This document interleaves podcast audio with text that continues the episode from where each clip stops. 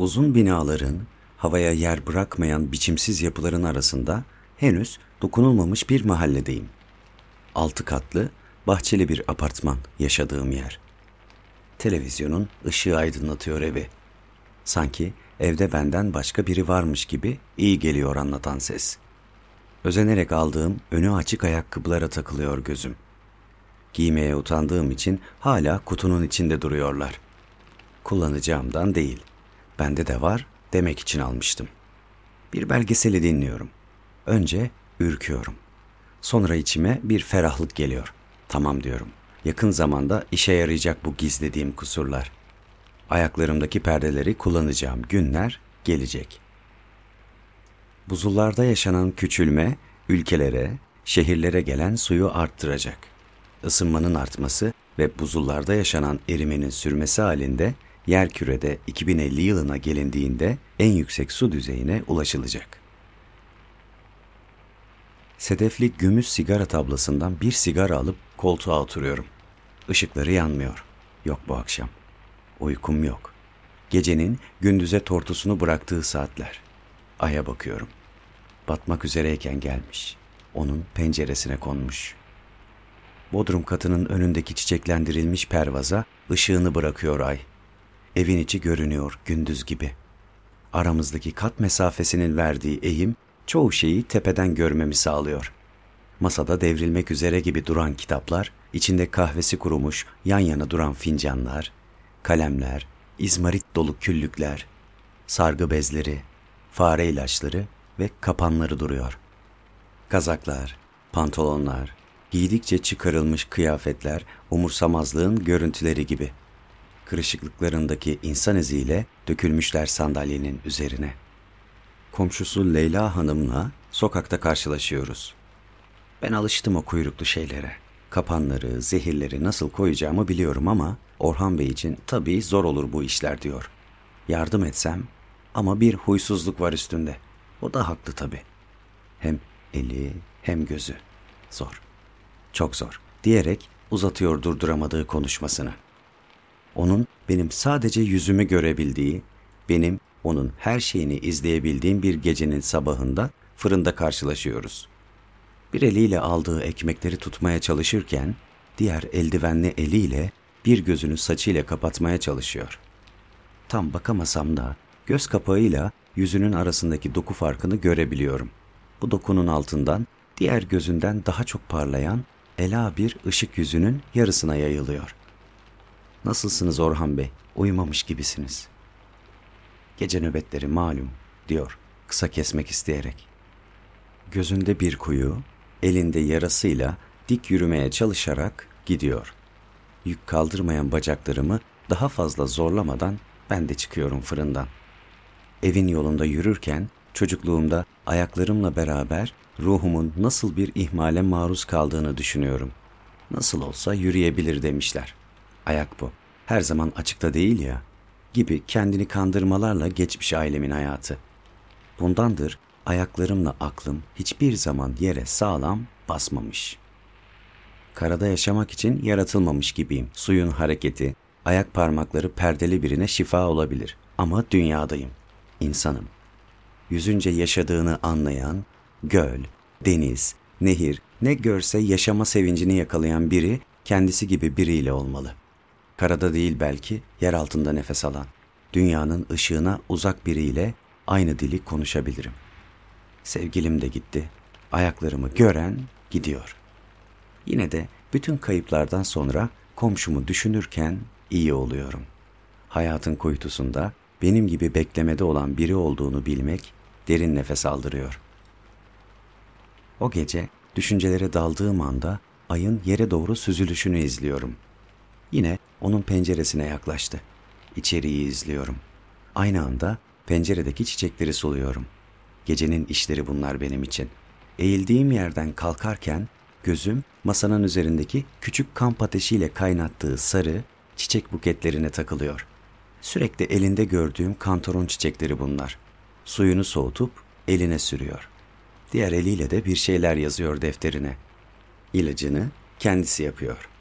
Günün gecenin içinden dolu dolu geçiyor. Kafasını kaldırdığında tek gözüyle bana bakıyor.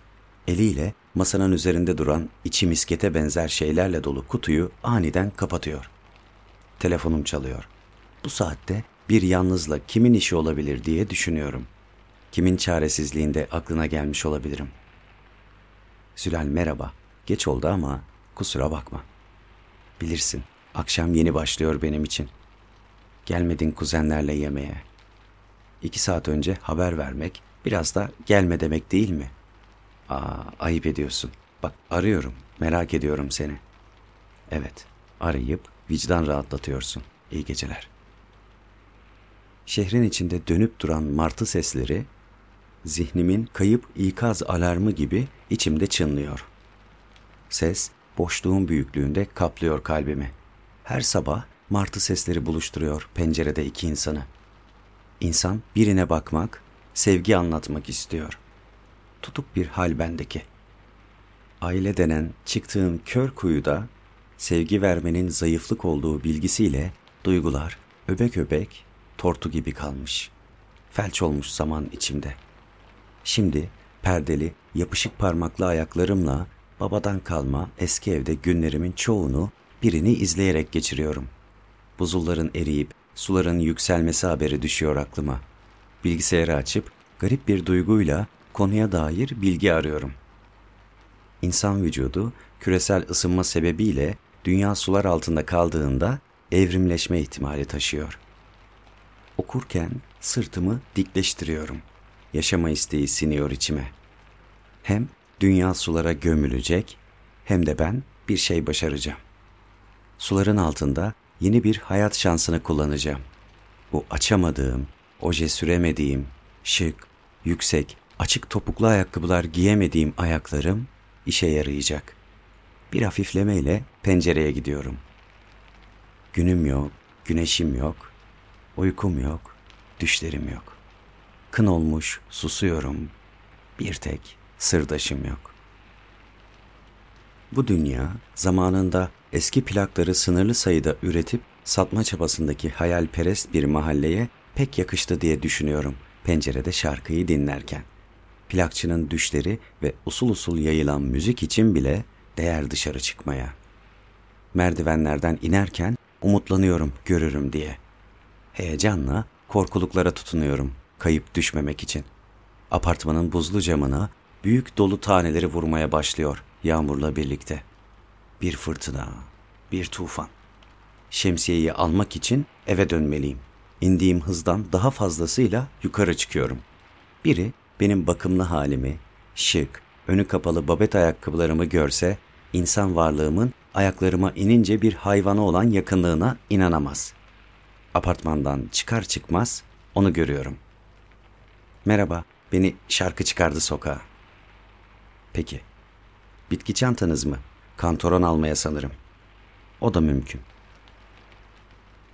Az konuşuyor, boşluklu cümleler kurup ne önünü dolduruyor ne tamamlıyor. Saçlarının altında bıraktığı sol gözü daha çok parlıyor diğerinden. Tuhaf bir şeffaflık, olağan dışı bir irilik. Çevresine sığmayan bir ışık hüzmesini ısrarla saçlarıyla perdelemeye çalışıyor Orhan Bey. Yüzüne yavaşça eğilerek sormak istiyorum. Her cevabın sözcüğün derinlere atılan bir ilmek olduğunu, o ilmekle indiğim yerin bir kuyu mu yoksa arzın merkezi mi olduğunu kestiremiyorum. Vazgeçiyorum. Yolumuza devam ediyoruz. O muhtemelen bir baharatçıya, ben de mahalle pazarına gidiyoruz. Sebze kokularına karışmış meyve kokuları, yağları parlayan iri zeytinler, nane kokuları, mısır püskülleri, doğal bitki çaylarının uçuşan tozlarını izliyorum. Hem acele içinde oluşum hem de elimdekilerin ağırlığının ayaklarıma inişi zorlamaya başlıyor. Benden önce işlerini halletmiş. Apartmanın önüne yaklaştığımda Orhan Bey'in dairesinden gelen seslere irkiliyorum. Birden iki oldular. Sizinle baş edemem ben. Kemirmişler not aldığım defterleri. Cürümsüzler. Bir an durup destek alır gibi karnına koyduğu eline takılıyor gözüm. Miskete benzer cisimlerin olduğu kutuyu kapatmaya çalışıyor. O kutu hep koruması altında. Sanki dünya ile bağı onun içinde ama hep bir şeyi saklar gibi. Yerdeki beyaz kağıtlara, kıyafetlere basarken dengesini neredeyse kaybediyor. Orhan Bey kolay gelsin. Yardıma geleyim. Pazardan hemen eve döneceğim için ayağıma çorap giymediğim geliyor aklıma. Endişeleniyorum. Ayaklarımı görüp kaçacak, garipseyecek ve bunu belli edecek diye düşünürken nefesim sıkışıyor. Belki ayakkabıyı çıkarttırmaz. Yok olmaz. Yağmur yağdı. Her yer çamur. Belki de terlik verir. Eve de gitmek istemiyorum. Elimdeki torbalarla. Kapıyı elinde fare zehirleri ve kapanlarıyla açıyor. İlk kez panik halde görüyorum.